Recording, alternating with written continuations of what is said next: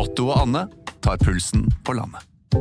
Ja, det gjør vi. Jeg heter Otto Jespersen, og hva var det du het igjen? Jeg heter Anne Grosvold, og hver uke har vi med oss en interessant gjest. Det har vi. Otto og Anne tar pulsen på landet, hører du der du hører podkast. En podkast fra Podplay. Ready? You have the cameras rolling? He was hosting boozy parties in Downing Street. Well, when the president does it, that means that it is not illegal. I have a dream. We will win this election and we will change the country together.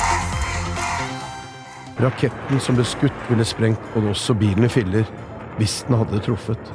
Det gjorde den heldigvis ikke. Velkommen. Velkommen! Jeg er Eirik Bergesen. Jeg er ikke Sofie Høgestøl. Hvem jeg er, skal du straks få vite. Og dette er eh, min og Sofies eh, nokså uhøytidelige, veldig personlige forsøk på å gå bak ukas nyheter, lete etter sammenhenger, si noe om fremtiden, på jakt etter det store bildet, slik vi ser det, hver fredag. Ja, hvem er du, da? Fredrik Gressvik heter jeg. Og hvem er Fredrik Gressvik? Han har jobba med deg i TV 2, vet du. Fram til Ja, Fram til eh, nylig. nylig. Ja, eller det vil si, jeg, jeg, jeg henger litt igjen da. Ut året så er jeg fortsatt en TV 2-er. Og du er eh, I dag er det vikaren til Sofie, Ja, som eh, kommer tilbake neste uke. Eh, og du er, du er gjesten min egentlig, da, Fredrik. Du er ikke programleder nå. Nei, det er første gang jeg sitter her i dette studioet som gjest. Jeg pleier å være programleder her inne. Er det greit? Det er helt ålreit, Ja. fordi da kan du styre samtalen. Ja. Men snart så er jeg programleder eh, for en ny podkast. Eh, Og, og, og det, det er jo fint å kunne si. Hva skal den hete? Jeg vet ikke. Det har vært sånn, eh, ikke sant, jeg har hatt Fredrik og Kadafi, så nå må jeg kvitte meg med Kadafi-navnet, i og med at eh, jeg er ute av TV 2, og han, han vil jo ikke være med ut. Han blir jo der. Og Kadafi er jo litt mer um, gjenkjennbart. uh, for da, det er en Kadafi. Ja. Um, men, men det er flere Fredriker.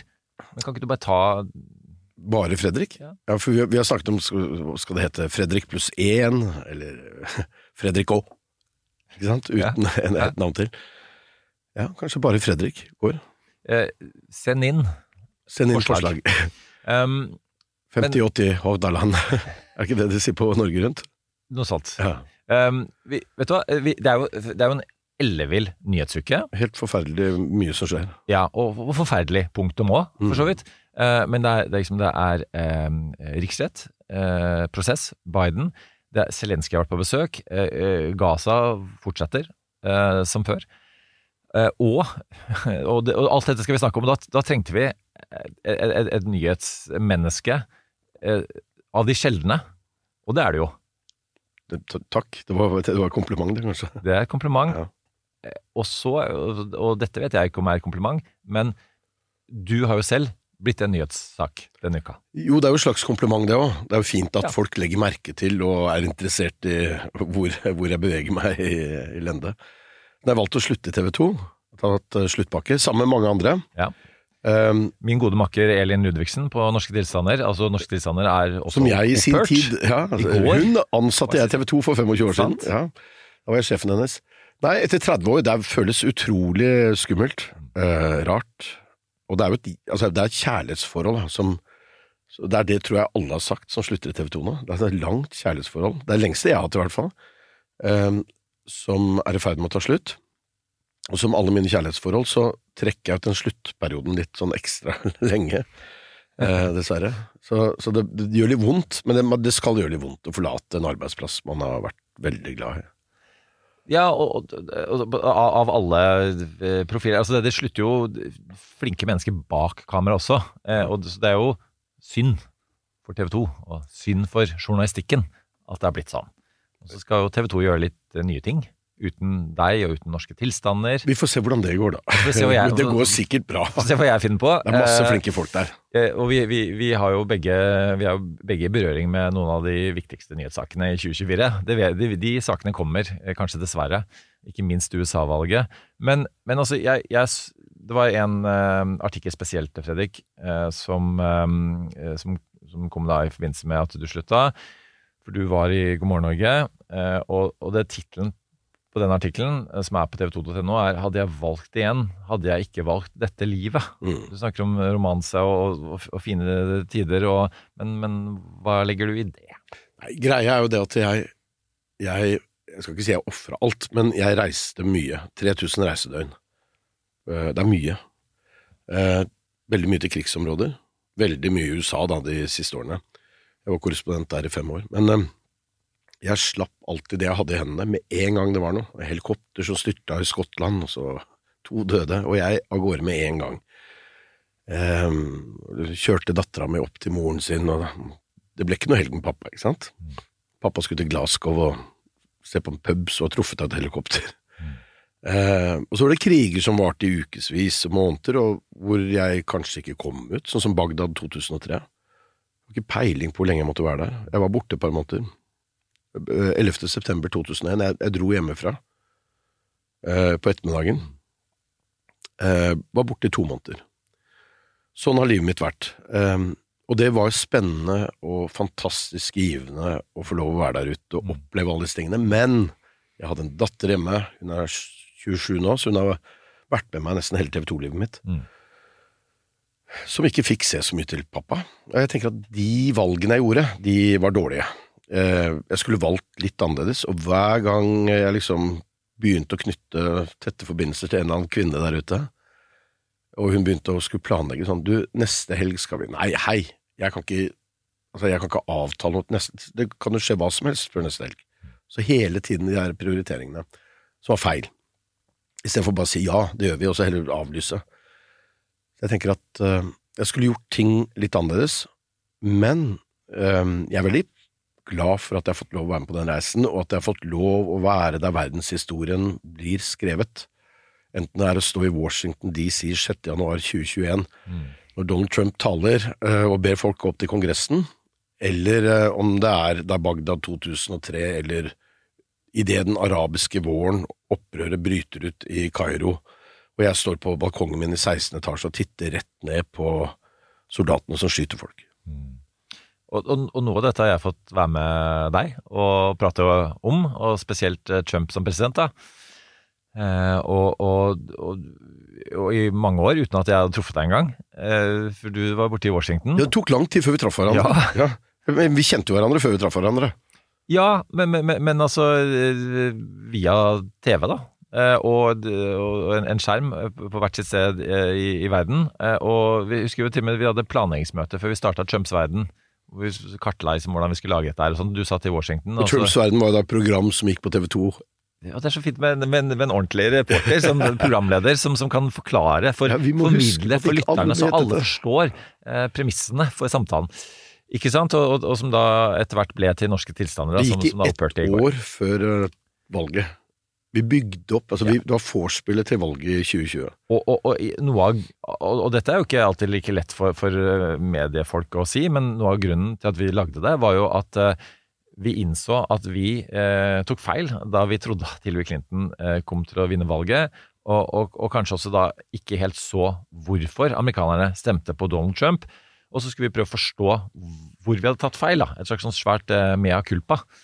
Må du forklare meg Du, du sier for vi, da, også, men jeg var ikke med Fredrik. på det der. Jeg var ikke med på det det der. meg, da? Ja, Meg, du, da, altså. trodde, du trodde Ja, du trodde Clinton. ikke det, du. Jo, jeg var helt sikker på at Hillary Clinton kom til å vinne, men det var jo basert på meningsmålingen den gangen. Husk på det at når det gjelder meningsmålinger, så har vi jo funnet ut at man må vekte det helt annerledes, fordi en ting er at folk vil stemme på Donald Trump, noe helt annet er om de tør å si det høyt, ikke sant? Ja, og, men, men så endte vi faktisk på et tidspunkt um, aleine, si, i studio. Det vil si, vi var fortsatt på hver vår side av eh, Atlanteren, men uh, nyhetsankeret hadde gått på do. Eh, så vi fikk beskjed om bare å holde praten i gang. Husker du når det var? Jeg, jeg hører det.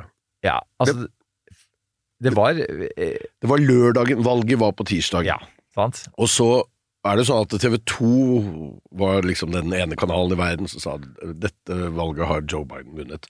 Det visste nok mange amerikanske kanaler og TV- TV-stasjoner og, og aviser også, men med bakgrunn i valget i 2016 så ville ingen si noe før de var helt sikre på at eh, valgresultatet ikke kom til å bli noe annet. Så de ventet, så dagene gikk onsdag, torsdag, fredag, lørdag. Da kom det.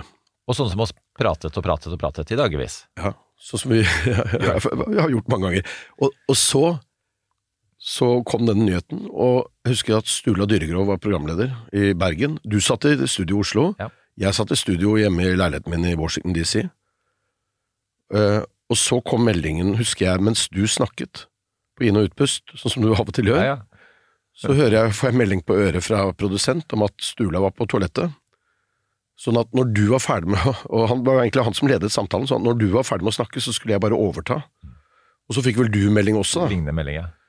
Og så gikk han i sminken, og så begynte han å forberede en annen sending, så han kom liksom aldri tilbake, så vi ble bare sittende og snakke sammen eh, Det gikk helt fint. uten programleder. Ja. Etter det så sa vaktsjef nå vet vi hvor vi kan kutte neste gang, vi trenger ikke programledere med sånne som dere i studio.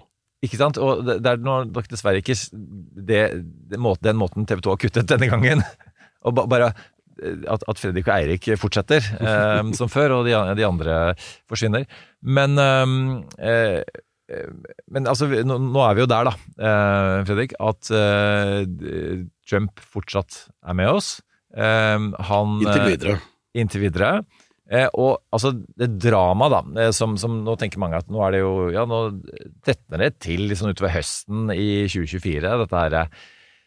Eh, men, men det begynner jo eh, Ikke bare begynner det allerede 15. januar, hvor da skal første stemmesedlene ned i urnene. Da begynner kongressvalget for fullt. Eh, Så følger jo alle Trump-rettssakene eh, hakk i hæl med det gjennom hele våren. Så er det to svære landsmøter til sommeren som kanskje skal avgjøre om eh, Trump og Biden får lov til å være eh, de, de eh, kandidatene til partiene, selv om eh, Trump vinner primærvalget hvis han er dømt i et par rettssaker osv. Um, så så det, det er jo ikke måte på uh, hvor dramatisk det blir. I en uforutsigbar verden så er det eneste forutsigbare at det blir det store dramaet. Eh, Men eh, så plutselig kommer et lite drama som seilende inn fra sidelinja nå før jul, nemlig riksrettsprosessen mot Biden. For da har altså da det republikanske flertallet i Representantens hus bestemte seg for at eh, Biden er en fare for nasjonen, eh, og han må vekk via en riksrettssak. Det kan jo være at eh, mange andre enn republikanerne ser på han som en fare også. Han begynner å Eller Helsemessige årsaker, ja. Men her har man altså funnet et politisk i gåsehendene, nå lager jeg som gåsehendetegn, eh, fordi det er jo det som er det store spørsmålet. Er det politisk relevant eller ikke? Eh, som, som de da skal føre prosessen basert på. Og det er altså da at eh, sønnen hans, Hunter Biden, som mange nå har lært seg å, å kjenne, har hans forretningsvirksomhet prøver de da å koble til Biden senior og si at det har noe med hverandre å gjøre. Eh, så er jo store spørsmålet er is there any there there? Altså er det, no, er det noe greier? Og, og det er vel det som er, i, i beste fall da, er eh, republikanernes sak. De prøver å si at er noe, her er det noe greier. Det er noe muffens. Men det er jo noe greier der. Og, og det som virker ganske tydelig, er jo at Hunter Biden har brukt sin fars navn for, å, å si. for egen eh, vinnings skyld. Ikke sant? Han har hatt uh, stillinger som altså blant annet uh, styremedlem i et ukrainsk oljeselskap, tjent masse penger uten å kunne vise til noen spesielle ferdigheter når det gjelder å være styremedlem i et ukrainsk oljeselskap. Så her har kanskje noen prøvd å benytte eller utnytte ham for å komme tett på faren hans mens han var eh, visepresident, altså under Barack Obama. Men eh, det er et stykke derfra til å si at Joe Biden har gjort seg skyldig i et eller annet her som, som For det, det er jo det som skal bevises, og, og man må jo ha en uh, rykende revolver på et eller annet tidspunkt. smoking gun. Ikke sant? Eh, og, og, og det kan man jo si at, at det var en av de tingene man ikke eh, klarte å legge på bordet i de to riksrettssakene mot Trump. da, At det ble ikke tydelig nok. Um, eh, og det, det, den, det beviset man trenger, er jo på en måte den, den koblingen. Altså en eller annen type eh, korrespondanse, eh, muntlig eller skriftlig, eh, mellom de to, eh, som da på en måte involverer antageligvis da eh, en transaksjon av penger. Og så har jo da denne saken har jo pågått en stund, eh, i den forstand at republikanerne gjennom ulike høringer eh, har prøvd i sånn ca. et år eh, å etablere dette, eh, dette, denne bevisførselen. Eh, og så vil mange mene at det har de ikke klart. Eh, også hvis man prøver å sette seg inn i republikanernes ståsted, da, prøve å tenke i, beste vilje, er, jo at i en sånn riksrettsprosess som de nå har eh, stemt eh, for, eh, så, så, så vil man da tilføre en del ressurser, oppmerksomhet osv., så, videre, så kan det komme frem noe som foreløpig er bare i beste fall indisier på. Så det er kanskje det er en, en hyggelig måte å tolke det republikanerne holder på med. Riksrett er jo et politisk spill, ikke sant? Og vi så jo hvordan demokratene brukte dette mot Donald Trump. Um, to riksrettssaker ble han stilt for. Det har vært fire riksrettssaker mot uh, sittende presidenter. Um, og da to mot Donald Trump. Det vil si den siste var vel etter at han gikk av, rett etterpå. Um, men vi så jo at det var politisk spill. Veldig altså det er, Han ble jo ikke dømt fordi republikanerne, selv om han var skyldig i alle liksom, anklagepunktene, så ville jo ikke republikanerne kaste ham under bussen. Vi, vi kan bare ta, ta detaljene bare kjapt og- og så- i saken. Ja. Bare, bare, og så Bill Clinton ble jo stilt for riksrett. Ja. Og han så ut til å tjene ganske bra på det. Ikke sant? Og, og det, Så er- det, det her er et spill som kan slå begge veier for republikanerne. Ja, og, og det, det er et spill man ikke vet eh, hvor ender. eh, Og det er jo egentlig, og det er jo, ikke, det er jo i tråd med en eh, person som har eid en del kasinoer, da, eh, Trump, at det er, det er en gamble.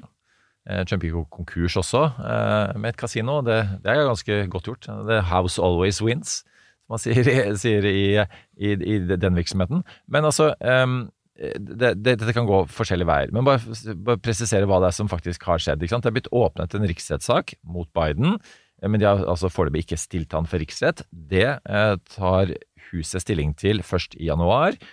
Hvis de stemmer for det, så går saken til Senatet. Eh, der eh, vil det da bli en, en prosess som da ender opp med en avstemning. Og i den avstemningen så kreves det altså to tredjedels flertall. Så vi kan vel si at det eh, demokratisk ledede Senatet trolig ikke kommer til å felle eh, Biden og avsette han som president.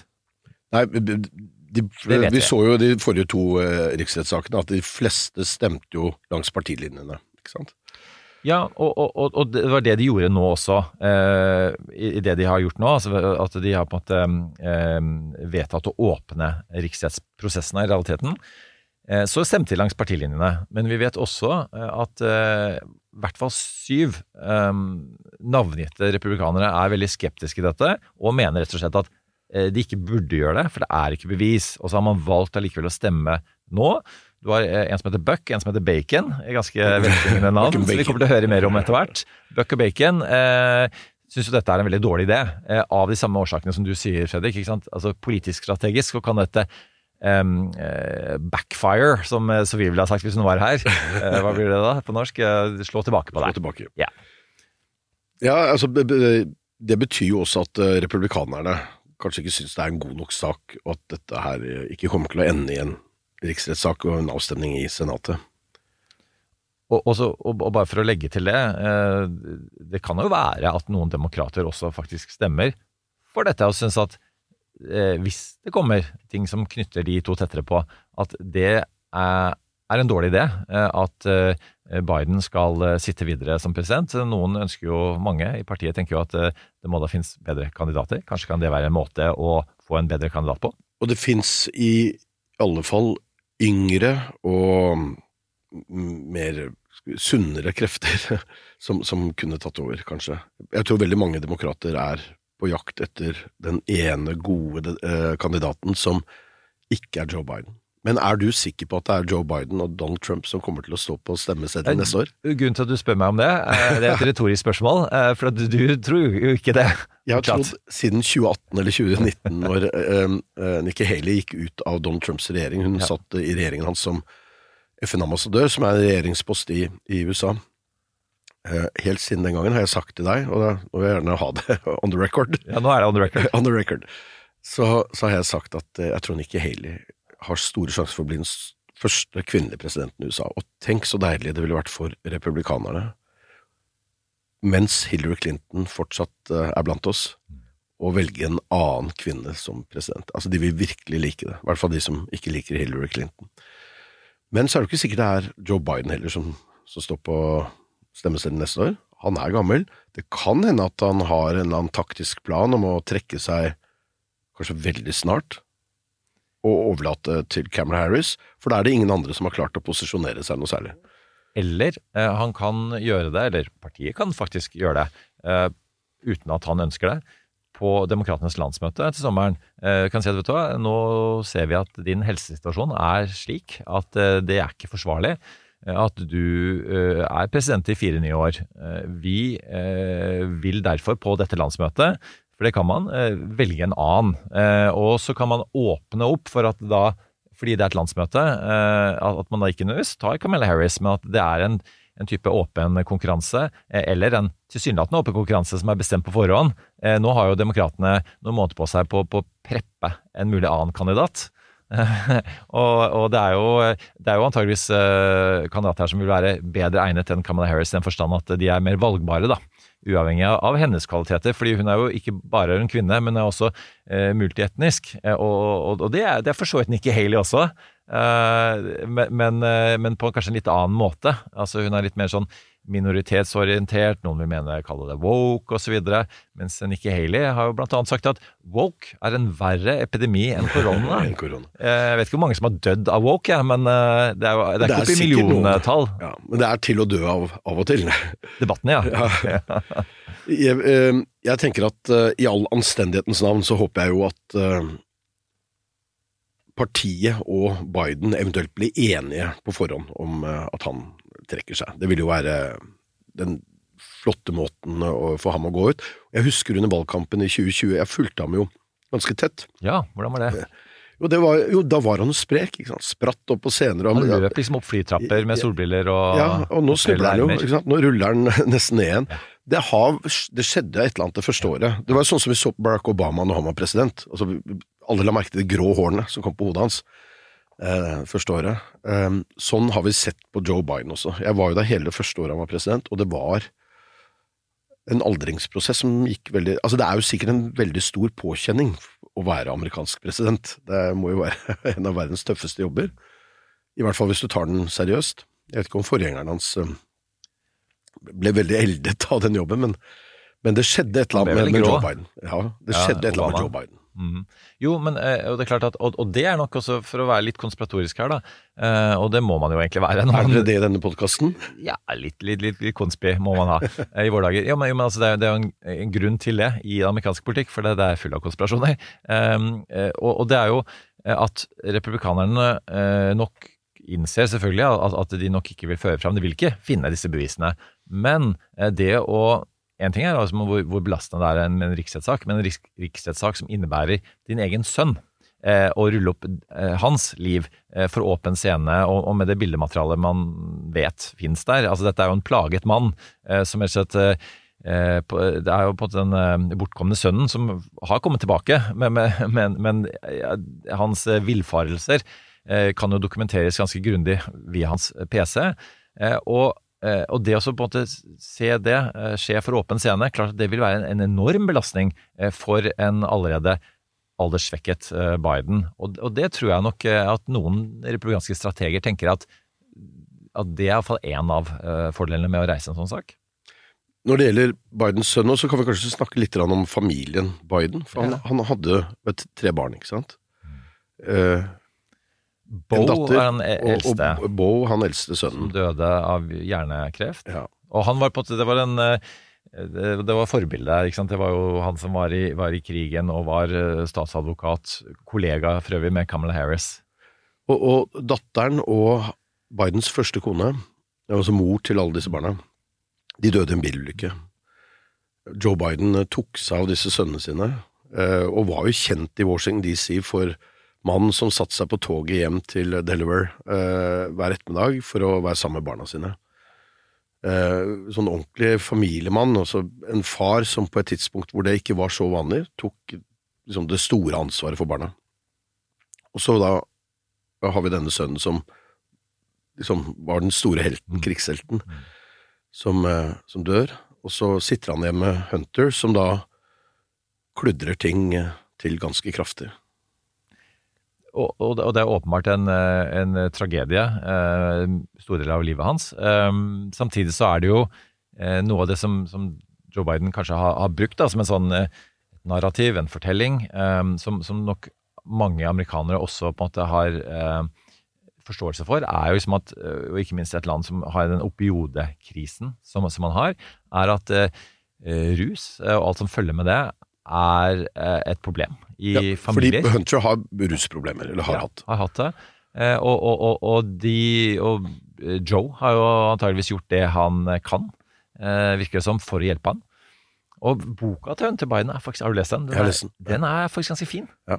Det er, han, han er jo en tenksom person, denne uh, Hunter, selv om han ikke alltid har vært det. Uh, så, så det er Nei, det, det blir veldig spennende å se hva som skjer, og, og, og jeg, jeg, jeg tror jo at um, um, hvis vi går tilbake til Clinton-rettssaken, så da var det jo, det var kanskje mange som har glemt, men det var jo en del demokrater som faktisk stemte for at Clinton måtte, skulle gå av. Altså stemte for riksrett. Eh, og, og, det, det, og det, eh, så det, det ble jo en sak som faktisk eh, splittet Det demokratiske partiet. Eh, Så det blir spennende å se om de eh, holder seg samlet, og om, eventuelt om republikanske partier blir splittet, og at demokratene kan bruke det i valgkampen. Men jeg tenkte å gjøre et en liten bro her nå, eh, med familiemannen Biden. Eh, altså den, den en, en politiker som er ganske flink til å kommunisere på et emosjonelt nivå, eh, til Midtøsten, til Gaza, eh, fordi eh, den der I feel your pain eh, Det har han ikke klart å eh, kommunisere like godt i den konflikten. Hans omfavnelse av Israel har på en måte vært så tydelig, og at folk også dypt inne i det demokratiske partiet føler at empatien med, med, med alle de tusener av palestinere som eh, nå er døde, ikke er nok til stede. Eh, Og det er jo en av de tingene som gjør at han eh, da kan tape valget. Miste viktige vippestater som Michigan osv., hvor det er stor eh, eh, befolkning med herkomst fra Midtøsten. Arabere. Arabere, ikke sant. Eh, Og godt å ha en Midtøsten-ekspert som kan presisere begrepene her. Um, og det er klart at eh, Men hva, hva tenker du der om, om, om Bidens um, Gaza-strategi?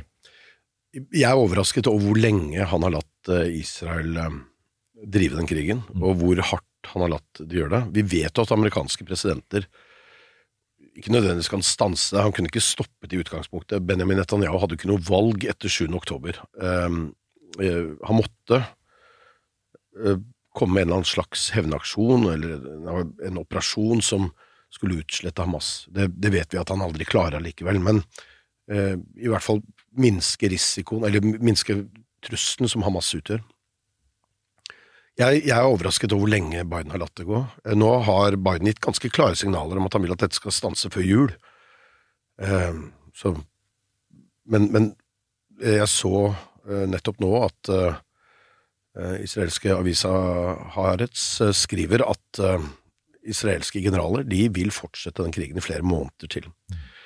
Israel trekker seg nok ikke ut fra Gaza, eh, men den bombingen vi har sett av sivile områder, som har vært totalt nådeløs Det er jo sånn at Israel vet at de dreper barn når de bomber Gaza. Mm. Eh, selv om de sier at det er Hamas de bomber, så bomber de i all hovedsak sivile. Eh, vi ser at det er Altså, tapstallene er Jeg snakket med en, med en journalistkollega som er palestiner på Gazastripen for noen dager siden. Han har hele tiden sagt til meg at tapstallene er tre ganger så store som de tallene vi faktisk får. Ja. Fordi de rett og slett ikke har maskiner eller muligheter til å grave folk ut av ruinene. Mm. De tar bare, Hvis de ser en arm eller et bein, så drar de ut et eller annet menneske. Og så har de ikke noen mulighet til å gå og grave dypere i, i eh, bygningsmassen som har rast sammen. Så det er uhorvelig store tapstall. Vi må tilbake til første andre verdenskrig, Vietnamkrigen, for å se den, den typen tall da, på omkomne på så kort tid. Men det ser ut til at eh, Biden vil øke presset nå de neste dagene, uken, for å stanse dette her før jul. Og så klarer han kanskje å stanse det verste bombardementet, eh, mens Israel fortsatt vil stå inne på Gazastripen. Så er det noen som, som sier at han må mer eller mindre skape fred i Midtøsten, eller i hvert fall mellom Palestina og Israel, Lykke til. for, for å hente inn igjen eh, de, alle de velgerne han taper. Eh, det er ikke at de går over til Trump, men de, men de protesterer ved å ikke stemme på han. Og det gjelder også eh, unge velgere, ikke minst. Eh, og det gjelder eh, altså bare, bare som mine tidligere kolleger i amerikanske State Department har jo drevet noen prosesser internt der som er eh, ganske tøffe for å være, til å være byråkrater, og med å, si fra eh, at eh, dette kan vi ikke være med på. Eh, jeg husker, husker under eh, krigen i eks-Jugoslavia eh, hvor, hvor en eh, Det var en britisk byråkrat eh, som skrev eh, rapporten eh, The Pinstriped Guide to Genocide. Eh, og så leverte han den fra seg, og så trykka send, og så slutta han. Eh, for han mente liksom at, at, at her var byråkrater med på en type sånn appeasement. Det var med på en måte Legitimere. legitimere, legge til rette for, ikke stoppe eh, type folkemord i, i, eh, da, og- og for eh, bosniske muslimer. da. Um, eh, og, og det er noe lignende jeg ser skje i, i State Department nå, altså amerikanske utenriksdepartementet. Eh, og, og det, det er ganske heftig. altså, altså han, det, er jo, det er jo et svært press mot Biden men på, du, du, du var kjapp her nå med å si at uh, lykke til med det. Altså, Hvorfor er dette så, så vanskelig?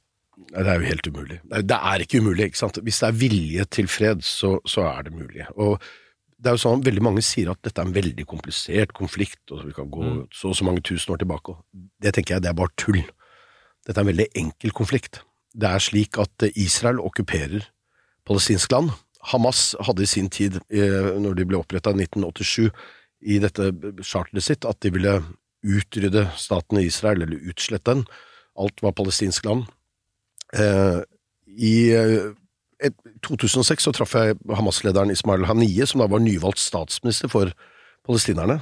Hamas har vunnet det ene frie palestinske valget, um, men mistet etter hvert makten. Men um, Ismail Haniye sa da til meg at uh, vi aksepterer at Israel er der, hvis de aksepterer at vi er her. Så det var en gjensidig anerkjennelse han var ute etter, sånn som Fatah, altså Yasir Arafats parti i sin tid, uh, gjorde en avtale med, Mm. Med israelerne. Så hvis det er vilje til fred, altså hvis Israel slutter å okkupere palestinsk land, så er det stor grunn til å tro at dette kunne gått ganske bra. Eh, Det vil nok være noen trefninger og noen uenigheter underveis, men det er åpenbart at eh, det trengs noen voksne her. Altså noen andre enn israelerne og palestinerne. Noen utenfra må komme inn og rydde opp i eh, disse problemene. Og man har jo prøvd med FN-styrker og FN-observatører og sånne ting, men her ser det ut som noen må inn med stor makt og bare skille partene fra hverandre og si at sånn gjør vi det. Ikke sant? Vi okkuperer ikke andres land. Vi bomber ikke sivile. Vi gjennomfører ikke terroraksjoner, sånn som vi så på 90-tallet. Hamas bombet busser hele tiden, ikke sant? Og bombet i stykker fra et Oslo-avtalen. Ja, bombet i stykker Oslo-avtalen. Jeg vil bare legge til en liten anekdote her. Det er en liten gatestump i Sederot, som er den byen i Israel som ligger nærmest Gazastripen. Jeg satt der en regntung januardag. Det var kaldt og fælt ute. Sludda. Eh, Jeg har vært på bensinstasjonen bensinstasjon og fylt bensin, og satt og spiste en sandwich og drakk en cola i, i bilen. Eh, Jeg var ute på jobb, og så ser jeg at eh, på gateskiltet ser jeg at det står Oslo. Rehov Oslo. Mm. Oslogaten. Mm. Den styggeste lille gatestumpen med noen bilverksteder. Det tror jeg rett og slett israelerne har gjort bare for å Som en slags hevn mot Oslo-avtalen. For det var jo en åpen motstand der også, og, og, var- og, eh, og som lå bak eh, attentatet mot Rabin osv. Ja, Oslo var jo den avtalen som vi trodde, i hvert fall det føltes som en stund. Det var utrolig fint å være i Midtøsten på den tiden. Mm. 93, 94, 95. Kjenne på den derre følelsen av at kanskje det blir fred, kanskje vi klarer dette. Eh, Men så kom alle disse terroraksjonene fra i hovedsak Hamas. Drapet på Yitzhak Rabin av en uh, høyreekstrem, eller uh, ja, en veldig konservativ uh, jøde. Uh, og avtalen ble rett og slett bare Altså, den ble pulverisert. Jeg var der når Benjamin Netanyahu vant det første valget i 96. Det er jo 100 år siden. Ja. Eh, og jeg hadde jo aldri trodd han skulle sitte som statsminister i dag, mange år etterpå. 27 år etterpå. Det er jo helt merkelig. Du snakker om det voksne rommet. Ikke sant? Så Netanyahu og hans regjering, som vi vet er den mest eh, konservative eh, noensinne i israelsk historie, er åpenbart ikke i stand til kan man si det allerede nå. De vil ikke. Ikke sant? Fordi de ikke vil. Eh, men, men det å bytte de ut med, med, si, med, liberale krefter, eh, vil heller ikke strekke til. Man trenger eh, noen utenfra, og spørsmålet er, er hvem det er. Eh, og så, så er det jo eh, Amerikanerne.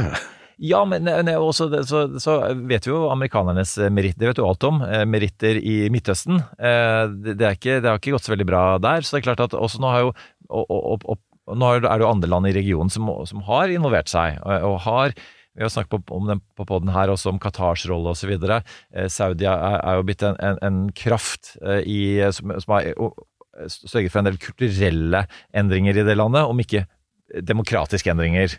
Ja, Disse arabiske landene kan jo ikke tvinge Israel eh, i kne, men det de kan gjøre er jo å lokke med eh, økonomisk samarbeid som vil gagne Israel på sikt. Altså Israel trenger venner i regionen. Så det er jo noe der de kan friste med, men, men det trengs jo en regimeendring i Israel.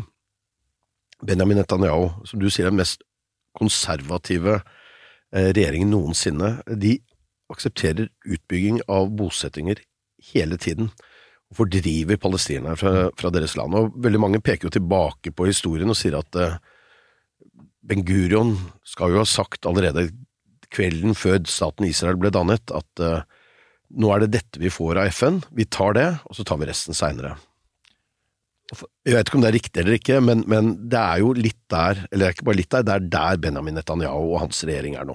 Nå forsyner de seg av de landområdene de vil ha, med unntak av Gaza, fordi det er jo et landområde jeg holdt på å si nær sagt ingen har lyst på. Selv ikke de som bor der, de er jo i all hovedsak flyktninger som er fordrevet dit, og ikke har noe annet sted å være. Men for en som har fulgt eh, på nært hold både Trump og Netanyahu Man kan ikke annet enn å spørre deg, hva er Det er noen åpenbare likheter der. Hva, hva, hvor, på hvilken måte er de lignende hverandre? Nei, altså, jeg, nå må jeg ta Netanyahu i, i en form for forsvar her. Altså, Han er jo en erfaren politiker. Altså, Som jeg sa, valgt da som statsminister første gang i 96. Han er en erfaren politiker. Eh, han kan det politiske spillet, selv om han har gått på noen smeller. Men han er jo også en som har eh, en politisk overlevelsesevne som altså, Han har ni liv, eller hundre liv, jeg vet ikke. Han er som katta. Mm. Men eh, han har overlevd eh, mange nederlag, kommet tilbake igjen. Nå tror jo mange at dette er hans siste. Altså denne etterretningstabben som ble gjort, at man ikke eh, før 7. oktober at man ikke så dette angrepet komme. Eller ikke lytte til de varslene som Ja, kom? ja, det er masse varsler. Um, at han er ferdig etter dette. Og det vil kanskje føre til en endring i Israel også. Og kanskje Eller det går an å håpe på at det vil føre til på sikt en forståelse for at hvis vi skal unngå et nytt, eller hvis de skal unngå et nytt 7. oktober, så må de altså finne en eller annen varig løsning. Men jeg merker at sinnet er så stort. Mine jødiske venner i Israel, de har vært rasende på meg den siste tiden. Altså det, er, det er venner jeg har som jeg har fortalt de, jeg har truffet Hamas-lederne, og jeg har sagt at palestinerne på Gazastripen vil jo egentlig bare ha fred. Sant? De vil ha landet sitt, og de vil ha fred, og de vil leve heller i fred side om side med dere enn en, en, en tilstand de har hatt til nå. Og så har de hatt vondt for å tro meg, og nå er de helt sikre på at jeg tar feil. De, de vil ikke ha fred. Eh, De ser jo at støtten til Hamas er stor blant palestinerne. Og det er jo fordi Hamas nå har vist palestinerne at altså, de ser jo at hvis de ikke lager trøbbel for Israel, hvis det ikke er krig, så skjer det ingenting. Da bare forsyner Israel, Israel seg med mer og mer land. Men det er dette angrepet, det er krigene som fører, og opprørene, intifadaene, eh, den første på 80-tallet, den andre på 2000-tallet, som har ført til endringer som man har trodd eller tenkt kunne være bra for palestinerne. Men i hvilken grad eh, De hører ikke på deg, og de hører sikkert ikke på den norske befolkningen som etter hvert eh, Eh, Oslo er jo et skjellsord på begge sider av den konflikten. Altså Ikke det- nå, nå, er, det en stor demonstrasjon eh, på lørdag eh, foran Stortinget. Eh, og, og, og jeg kan si det uten å være aktivist. Møte opp eh, eh, og, og, vis engasjementet deres. Det tror jeg er viktig i vår befolkning. eh, at, at, vi, at vi har vist en type internasjonal solidaritet. Dessverre så vil nok ikke man lytte eh, i, i Israel. Og man, som, som vi snakker om, se- se- selv, selv USA eh, sliter jo med, med, med å faktisk legge politisk press på Israel. Men, men, men det at verdenssamfunnet nå har snudd så mye som man har gjort da, eh, etter det forferdelige 7. oktober, er det faktisk noe som man, man ikke lytter til? Jeg tror at det som skjedde 7. oktober Altså, det er fullt mulig å se med forakt på det som skjedde 7. oktober. Måten Hamas angrep sivile på.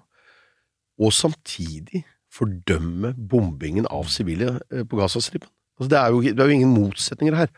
Det er jo fullt mulig å ta parti med sivile, uskyldige mennesker og si at det er feil å angripe sivile uansett.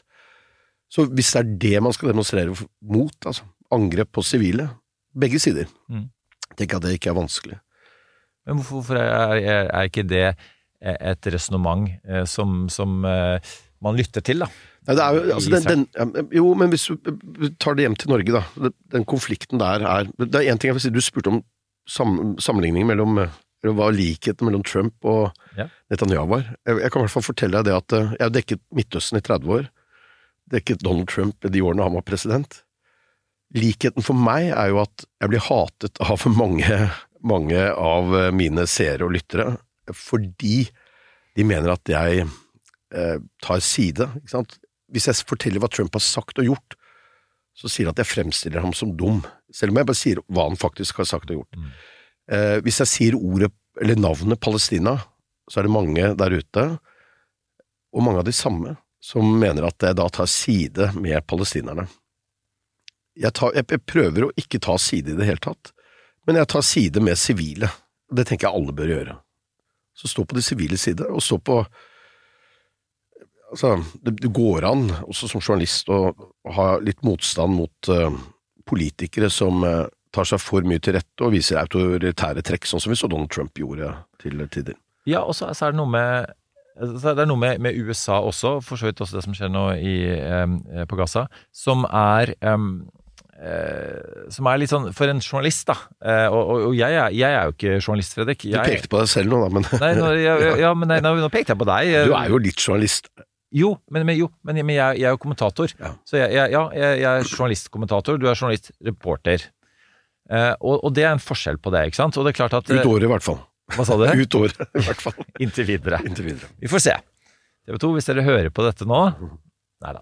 Eh, vi, vi eh, Altså eh, Men en, en, en ren reporter, da, skal, jo på, i utgangspunktet da på en måte ikke ta eh, være en part i en sak. Men eh, når eh, en av partene i saken er demokratiet, eller, eller menneskerettigheter, eller menneskers liv, eh, menneskeverdet, da Det er lov å ta, ta side.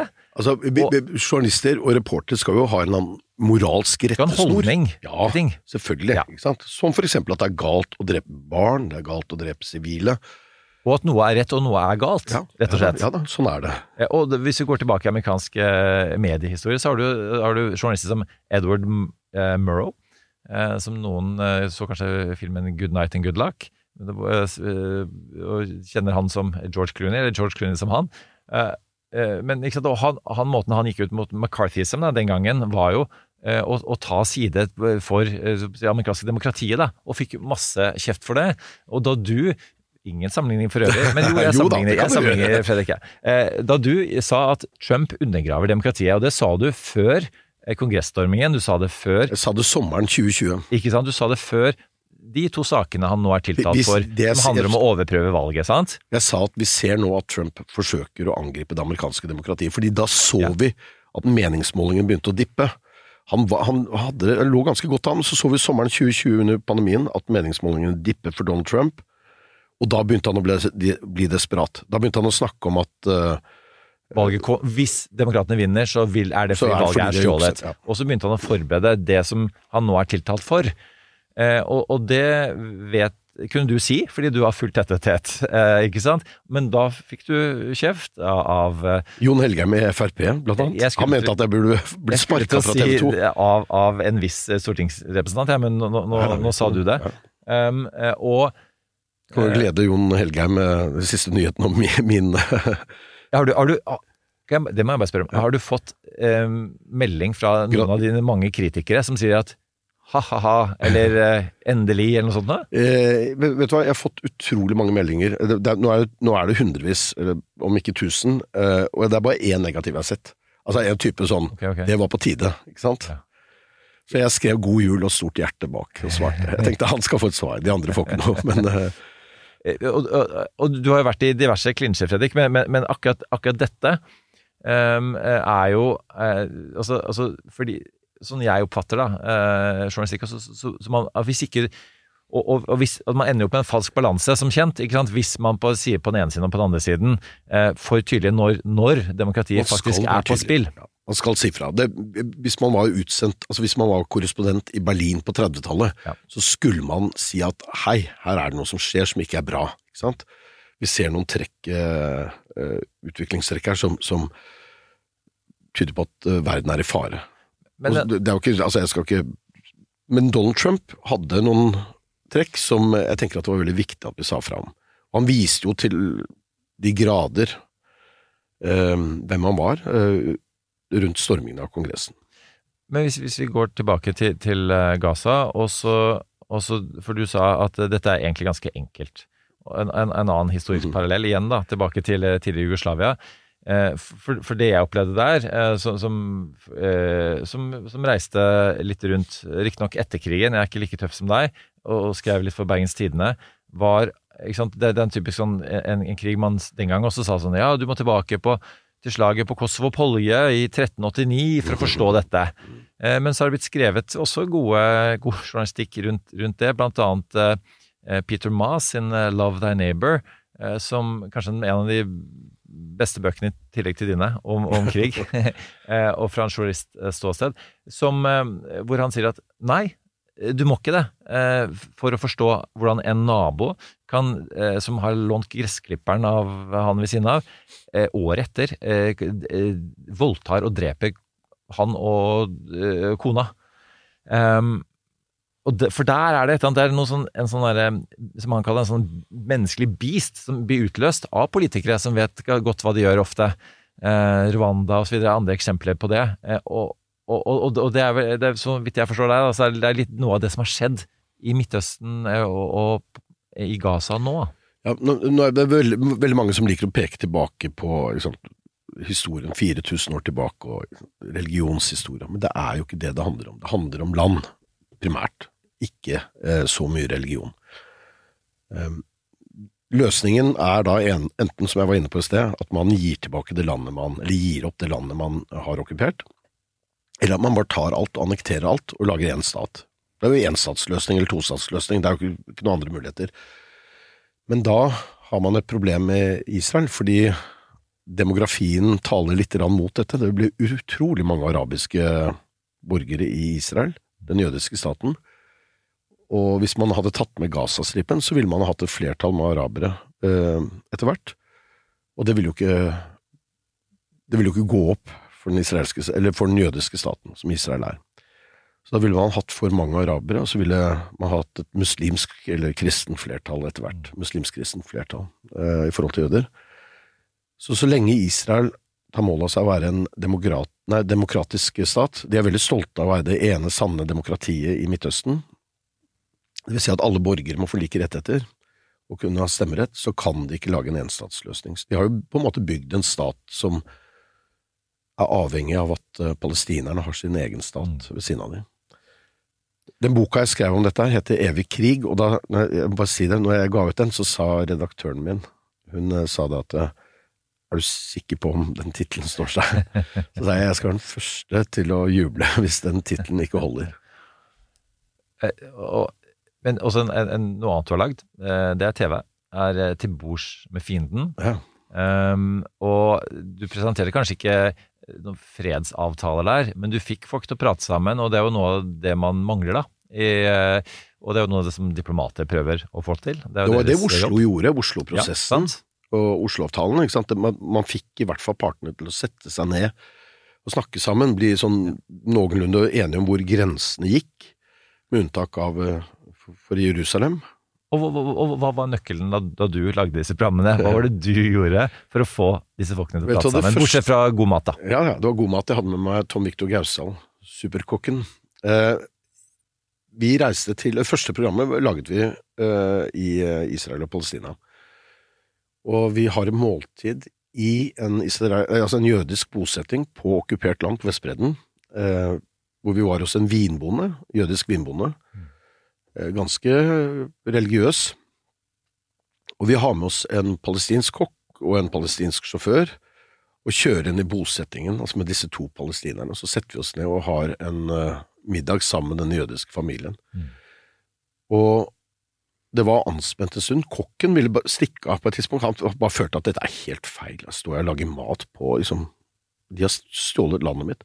Men vi fikk han til å komme tilbake på kjøkkenet og lage mat sammen med oss. Og så setter vi oss ned og har et måltid, og så blir vi Altså, alle Altså, når du spiser god mat, så blir du glad. Alle blir glad når de får god mat. De opplever at de har felles matkultur, med unntak av at uh, palestinerne ikke drakk vin, for det var muslimer, og, og bosetterne gjorde det. Så, så spiste vi det, den samme maten, det var godt, og det var en stemning som var helt, helt uvirkelig. Og jeg tenkte jo at det er jo dette som skal til. Så vi skapte jo ikke fred der, men vi kunne i hvert fall se at det er mulig å få folk til å bli venner. Ja, og, og Oslo-avtalen ble jo, som vi snakket om i stad, det, det ble et håp. Eh, Det er, noe, det er noe med den der tannkremen som, som nå er ute av tuben, eh, og du får det ikke tilbake. Og, og Det gjelder bare at noen da stoler nok på, da, på det håpet eh, til at eh, man kan lage et sånn konstitusjonelt eh, avtaleverk rundt dette her, som, som kan etablere disse, disse eh, to statene. Og, og det er jo en vei fram. Men nå skal jeg bare bygge en liten bro, Fredrik. Så vi skal forlate temaet. Ikke, kanskje ikke helt, eh, men, men, eh, men, vi, fordi, men poenget mitt da, er at da Oslo-avtalen kom, så var jo det noe som, som, som tross alt eh, ikke bare ga håp, men kanskje kom som en overraskelse på mange. Oi, bare ti år siden eh, etter at eh, Israel gikk inn i Sør-Libanon og på en måte skøyt eh, mot og drepte mange av disse PLO-folkene, og nå sitter de faktisk og trykker hender og har underskrevet en avtale. Eh, Zelenskyj, som var på besøk eh, til Oslo nå, eh, var jo også en person som kom litt sånn litt ut av intet, i den forstand at Putin overrasker verden, med å, mange, med å invadere Ukraina. Og så overrasker eh, Zelenskyj eh, verden med å forsvare seg på den måten han gjør. Altså komikeren som blir en sånn slags vår tids eh, Churchill. Og, og det er jo, det er jo de, det er noe fascinerende med internasjonal politikk, da, i, i all eh, eh, mismote. Eh, at du, du kan få den type personer som kan stå fram eh, og, og, og lede historien i, i, i en bedre retning, da. Men da har jeg også lyst til å si at hvis det var en annen som overrasket verden, så var det Joe Biden. Når eh, Russland og Putin invaderte Ukraina. ja. I løpet av timer så klarte Joe Biden å samle Vesten. Altså Vi så jo et så utrolig forent Europa eh, sammen med USA mot Og det var Joe Biden som var den ledende figuren her. Mot eh, Putins eh, eh, aggressive eh, invasjon av eh, Ukraina. Så det var jo et, håp om at eh, den riktige og den riktige siden skulle på en måte vinne fram her. I starten så så det jo ut som om man klarte å slå Russland ut, eh, ut av Ukraina, og at krigen ville bli vunnet i løpet av ganske kort tid. Nå vet vi at det ikke er sånn, men eh, Men, men altså eh, Denne uka, i, eh, og med at du, eh, tok opp igjen Biden USA, Representantenes hus, igjen stemmer ned altså eh, pakker til Ukraina. Blant annet med, med, med altså, å legge fram betingelser om, om at man skal støtte eh, eh, opprustning ved grensen til Mexico eh, i tillegg, for å kunne godta den pakken. Um, så, så det Zelenskyjs besøk eh, til eh, Norge var suksessrikt, men det var ikke like suksessrikt det han gjorde i DC. Nei, han kom jo rett hit fra, fra Washington, og der møtte han jo motstand. Vi ser jo at viljen i USA til, både på republikansk og demokratisk side, er minkende til å støtte Ukraina med masse penger. Og veldig mange amerikanere peker jo på og sier at dette er et europeisk anliggende. Dette får europeerne fikse sjæl. Og at det først og fremst er vi, altså de vestlige europeiske demokratiene, som har eh, eller de europeiske demokratiene som har som hovedoppgave å sørge for at Putin ikke eh, tar seg til rette. Eh, det var jo når Donald Trump var president, så var det jo stor frykt for uh, hvorvidt Eller det kom en frykt for hvorvidt uh, USA ville stå ved sine forpliktelser i Nato. Donald Trump så, sådde jo litt tvil om dette. Eh, Han mente at uh, de europeiske Nato-medlemmene burde betale mer penger til Nato, eller som han sa, men det dreier seg om å bruke mer penger på forsvar. Og Jens Stoltenberg og Donald Trump fant tonen veldig godt der. De ble på en måte Jeg vet ikke hvor god venn eh, Stoltenberg føler at han var med, med Donald Trump, men Donald Trump følte i hvert fall at Stoltenberg var en av hans aller beste venner. Det sa han gjentatte ganger. Og de to hadde jo felles mål, nemlig å få økt forsvarsbudsjettene i Europa. Og det har vi jo sett nå, om, om ikke Donald Trump klarte det. Han klarte å få, få flere land litt på glid. Mm. Så har i hvert fall Vladimir Putin klart det til de grader. Nå er det jo en enorm evne, nei, vilje til å, til å øke både forsvarsindustrien og, og forsvarsbudsjettene i Europa, eh, rett og slett for å skremme Russland fra å ta seg mer til rette enn det de har gjort. Og er det noen som virkelig har rustet opp, så er det jo Tyskland. Men denne uka så har jo tyske politikere snakka om at, at eh, hvis ikke eh, Putin blir stoppet, så er Tyskland neste. Ja. Eh, Og, og så det, det er jo det, Altså, europeerne er jo med rette redde.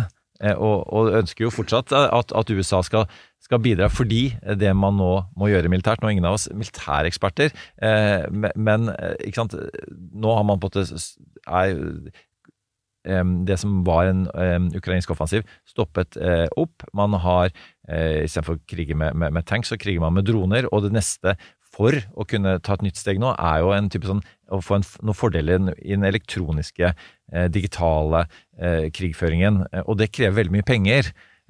Og, og det er jo det som Og da må man ha USA. Det er jo, er jo ikke noe annet valg enn det.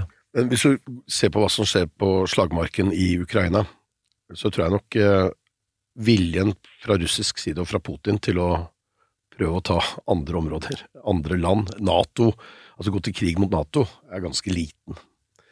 De har jo vist at de ikke har evne til å kjempe, eh, bortsett fra kanskje med elektronisk krigføring og sånne ting, men, men eh, det er nok ganske liten vilje til å gå til eh, større offensiv mot andre land. Så den eh, motstanden de har møtt i Ukraina, det er jo det mange vestlige politikere og norske politikere peker på, at dette er en kamp som også kjempes for oss, fordi jo større motstand russerne møter der, jo mindre sjanse er det for at de har evne og vilje til å gå løs på andre europeiske stater, hvis de skulle ha noen slike tanker. Hvis Trump blir valgt som president, eh, mannen som sier at han ville avsluttet eh, krigen i Ukraina på 24 timer 24 timer, ja, men det er jo fint da.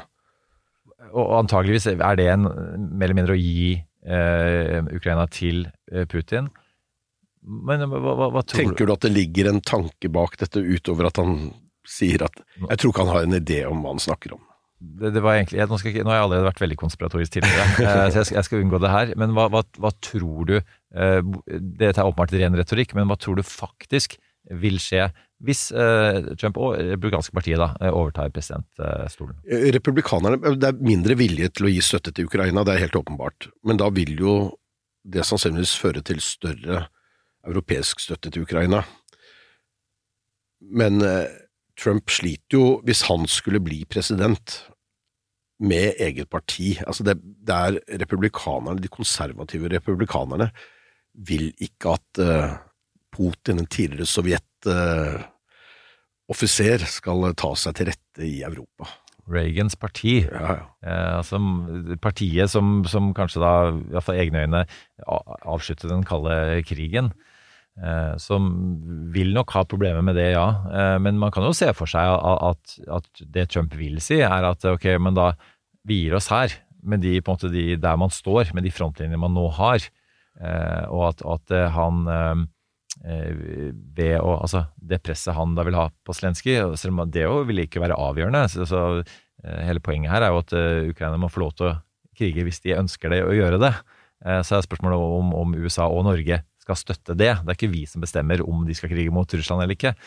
Eh, Men at, at, man, at det blir såpass tungt at da også Zelenskyj vil på en måte åpne for type fredssamtaler. Det kan jo være at, eh, at de havner der etter hvert. Altså En krigstrøtthet eh, som, som En ting er at vi er trøtte av å høre om krigen, men også i den ukrainske befolkningen så vil det etter hvert eh, bli et større behov for å finne en annen varig løsning med, med Russland. Og om det betyr flytting av noen grenser i øst, så kan det jo være at, at begge parter finner en eller annen løsning på det. Det som overrasker meg, det er at Putin fortsatt er i live, eller at han fortsatt leder eh, Russland. Jeg var for øvrig et annet valg jeg dekket en gang i tiden, var i 2000 da han ble president første gang. Jeg trodde ikke han skulle være president eh, 23 år seinere, 24 år seinere.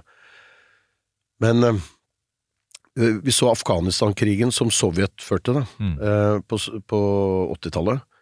Den ble avsluttet når disse sinkkistene kom hjem, altså kister med døde russiske soldater.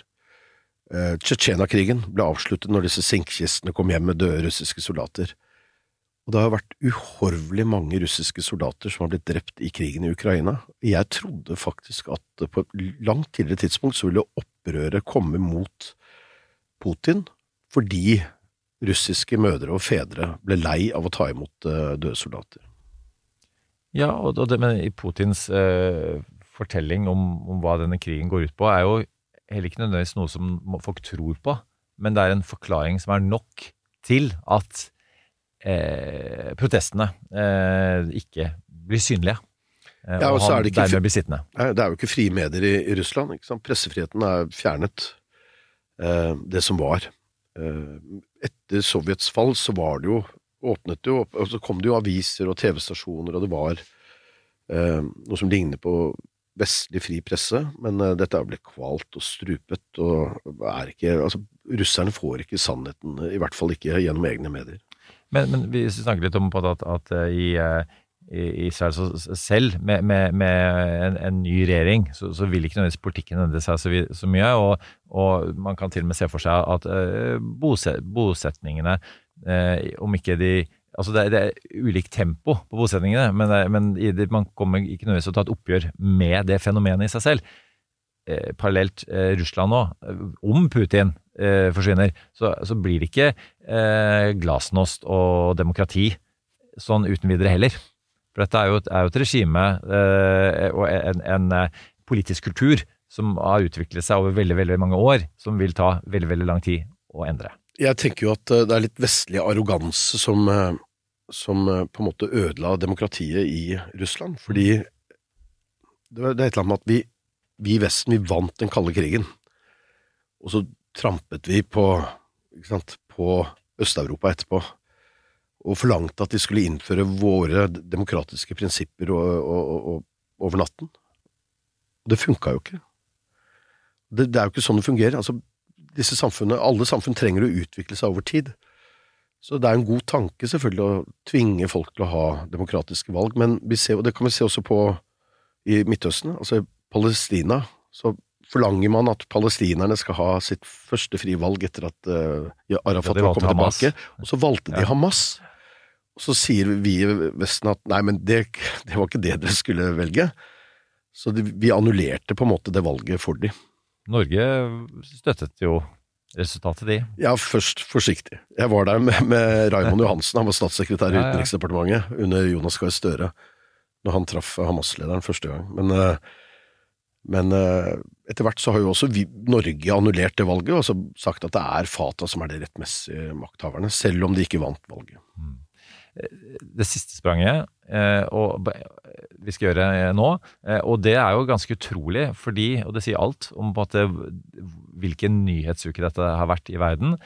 Den tingen som på en måte har druknet og midt oppi alt dette, her, er jo faktisk selveste Nobels fredspris, som gikk til eh, Mohammedi.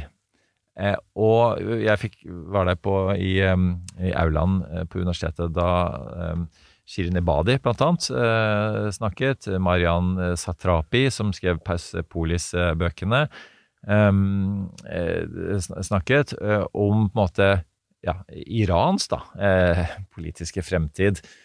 Og det var, det var veldig Ikke sant at, at de protestene vi så, de kalte dette for den verdens første ordentlige altså, feministiske revolusjon.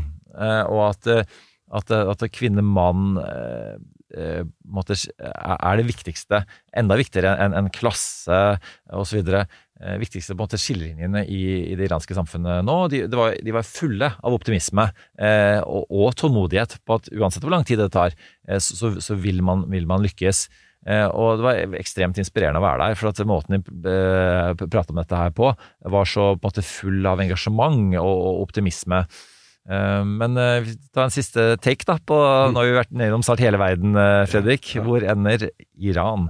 Jeg, det skal jeg si hva jeg tror. Ja. Nei, altså, jeg, jeg traff forresten nobelprisvinnerens barn, Ja, 17-åringene. ja, Intervjuet jo eh, intervjuet i nå i helgen.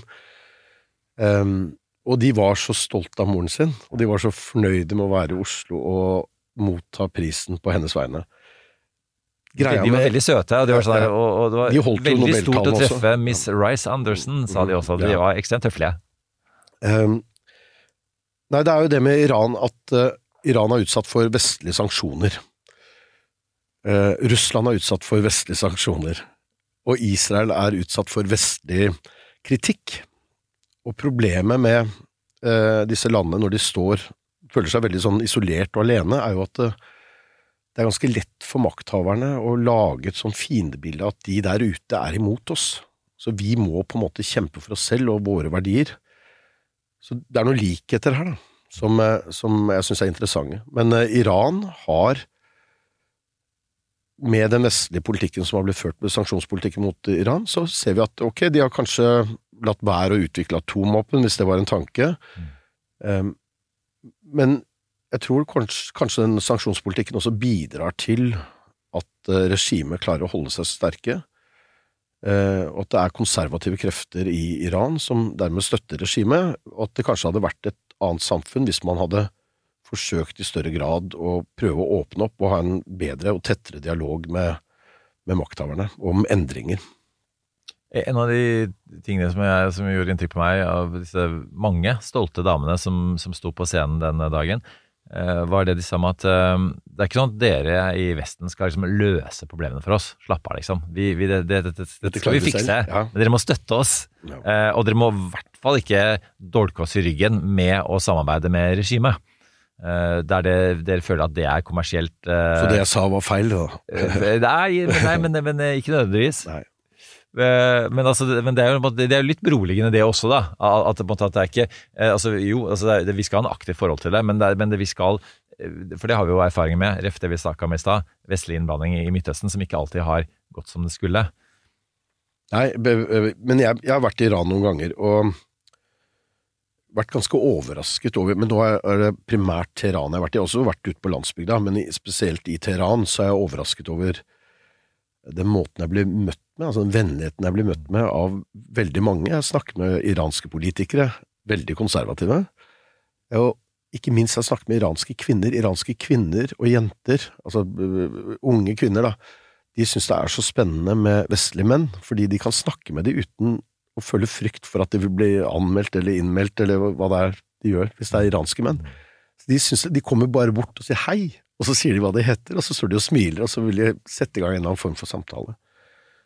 Eh, Så jeg har opplevd deler av det iranske samfunnet som forholdsvis liberalt, og så syns jeg det er litt synd å se hvordan, eller ikke litt, jeg syns det er veldig synd å se hvordan eh, disse demonstrasjonene som jo er der for å skape bedre samfunn, altså de ble gjennomført for å skape bedre samfunn for iranerne, ikke minst kvinner, ble slått ned med så utrolig brutal makt som de gjør. Ja, og det, det var helt utrolig brutalt å høre en av Amnesty-lederne internasjonalt som snakket om hva som faktisk eh, iranske kvinner er utsatt for. Um, virkelig. Uh, men, men gitt nå, Ok, nå, nå nå lander vi her.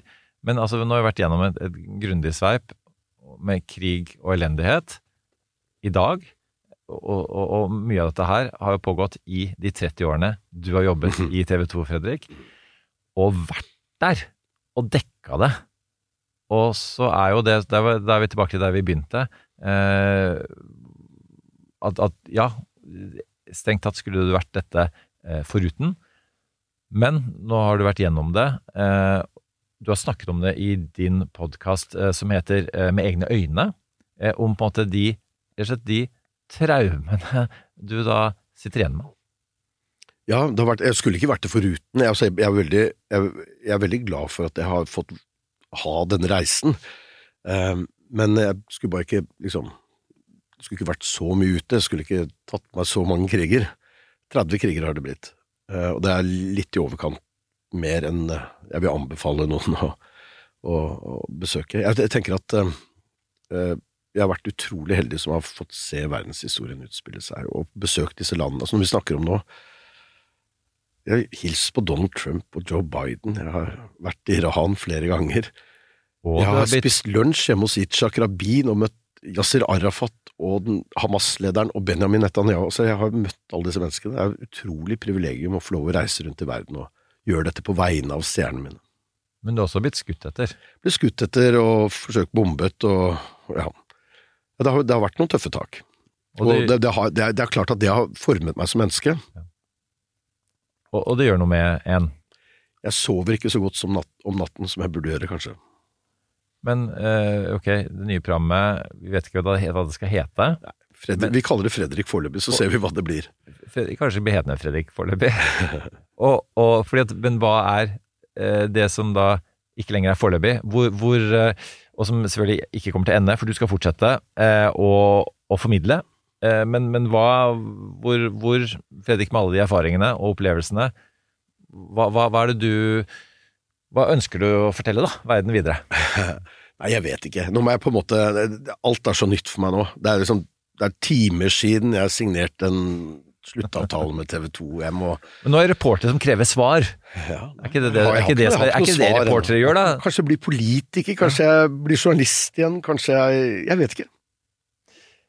Eh, Det blir spennende å Jeg skal i hvert fall invitere deg til min podkast. Ja, det, det, sånn er det blitt i Norge. Sånn blitt. At eh, folk inviterer hverandre til hverandres podkaster. Ja. Eh, Og det er media i, i 2023. Så får vi se hva det blir i 2024. Men du, Fredrik, vi, vi skal gå inn for landing med at du skal få lov til å anbefale dine av- og påkoblinger.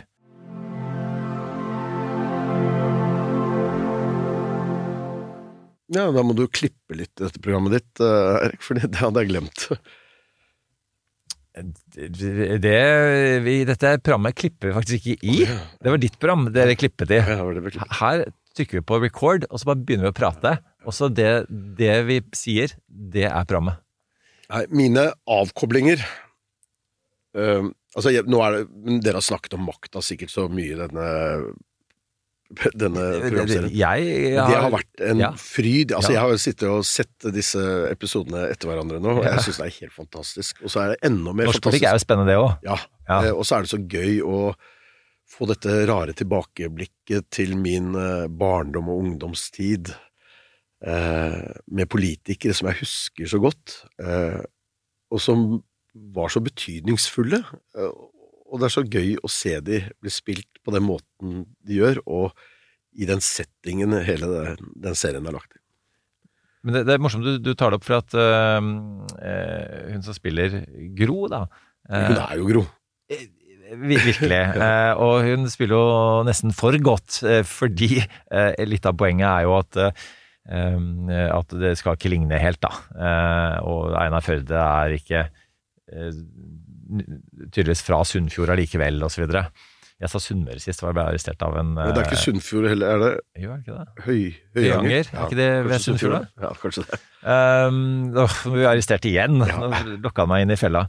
Uh, Fredrik, nei, men eh, altså, eh, hun snakket på um, Agenda sin sånn juleavslutning nå denne uka her, og, og ble jo møtt med den, den kritikken, da. For det er jo mange i arbeiderbevegelsen som jo ikke er fornøyd med dette. Fordi at det, eh, Altså skuespilleren snakket Skuespilleren ja, ja. eh, måtte svare for, for, for noe av den kritikken ved blant annet å si at hei, jeg er ikke serieskaperen, Nei. men denne kritikken var vi forberedt på, fordi eh, som sagt, man tar seg noen friheter. eh, Og Trygve Bratteli, som jo eh, gjennomgikk konsentrasjonsleir og bygde opp eh, velferdsstaten, eh, er- blir kanskje ikke eh, rettferdiggjort ordentlig. Det er kanskje ikke. Håvard Nordli heller. eh, Eller Reiulf Steen. Ja. Men som jeg sier, at det- fremste eh, beviset da, på, på, på, at, på, at deres strategi om å, liksom, vekke diskusjon da, og, og, og, og debatt, og at folk skulle prøve å tenke litt sjæl, eh, eh, var at eh, det fremste Google-søket i nyere tid, eh, i tillegg til eh, ultraprosessert mat og, den type ting, er altså hvem er Reiulf Steen? Så folk har googlet, folk har søkt. Ja, verden, hva, hva var det som egentlig skjedde i Norge? Eh, eh, med som, vi som bygde landet. Eh, hvordan skjedde det egentlig? Og, så det, er jo, det er jo det fine. Og så syns jeg også samtidig var sånn det, det, Dette med at eh, for, for, er, det- Det er jo én person som er fornøyd med den serien, og det er jo Gro. Ja, foreløpig. Jeg vet ikke om hun har sett de siste seks episodene som slippes etter jul. Det kan jo være at hun ikke kommer til å være fornøyd når den serien er i mål. Ja, og det var det Katrine som spiller eh, Gro sa også, at eh, det, både det og, og Reivsteen som blir mer nyansert, at det blir mer balansert. Men, men eh, altså det som er også interessant å se, er jo um, for deg også som følger disse politikerne veldig tett rundt omkring i verden, er at ikke sant, altså, eh, menneskegro. Oppgaven til en skuespiller er jo på en måte, å, vil jeg tro, uten at jeg er ekspert på det, er å finne hva, hvem er mennesket eh, bak denne politiske fasaden. Eh, og, og det mennesket Gro er jo seerne blitt veldig glad i. Og så vet vi at ikke alle var glad i politikeren Gro på samme måte. Um, Men husk på at Gro kom jo inn i norsk politikk og var kvinne, første Ja, ja, kvinne i statsministeren. Det var ikke alle som helt klarte, og det var mange menn som, som stritta litt imot der. Og Mm. så ser vi jo i den serien så ser vi noen trekk hos uh, karakteren Gro, da, som, som er ganske sånn Hun tar seg veldig til rette. Uh, hun tar, hun tar makta der hun får muligheten til å gjøre det. Ikke sant, og, og, det, og, så, og sånn er, er jo politikk. Um, men eh, mitt poeng er på en måte at, at eh, menneskene i politikken, da, det, det er jo tross alt det er mennesker som, som, som styrer oss inn, og eh, noen ganger også heldigvis ut av kriger osv. Eh, altså, våre venner politikerne, hva, hva, eh, hva, hva, tenker du om, om de som fenomen? Politikerne, jeg synes, vet du hva, jeg synes politikere jeg, jeg, kjenner jo da mange, jeg har reist rundt med mange av de, statsministre og utenriksministre og sånn. Jeg kjenner de som så utrolig flotte mennesker. Enten det er Erna eller Jonas eller Jens eller Espen eller Anniken eh, eller hvem det måtte være, Ine. Jeg synes det er utrolig flotte mennesker eh, som står på og gjør så mye bra, da. Eller i hvert fall så bra de kan. Og får så mye urettmessig pes fra, fra de som ikke har valgt dem. Jeg synes de får skikkelig ufortjent mye eh, kritikk. Eh, Jeg skulle ønske at eh, folk kunne være mer takknemlige for den jobben de gjorde, uansett hvem av de det er. Altså, skal, er, det, er dette den nye Fredrik-podden, hvor du skryter av politikere? Ja, nå skrøt jeg av alle, ikke Ja. sant? Ja. Jeg, jeg tipper at storslegga Fredrik er ikke helt borte heller. Gleder meg til å høre podden din, gleder meg til å bli invitert. Min uh, siste anbefaling er uh, faktisk boka 'Makt og mannefall', eh, som ble skrevet av Ingolf Fokke Teigene og Steinar Hansson, som er en av flere bøker som makta er basert på. Det er en helt fantastisk bok, eh, blant annet fordi at, og det er en påminnelse om at politikk er ekstremt turbulent. Ja, det, det er faen ingen søndagsskole, arbeiderbevegelsen, eh, og, og det er det ikke nå heller, men fytti rakkeren, akkurat den perioden som makta tar for seg, det var helt spesielt. Og journalistene òg, hvis folk tror at eh, Fredrik Gressvik er eh, hard i klypa noen ganger.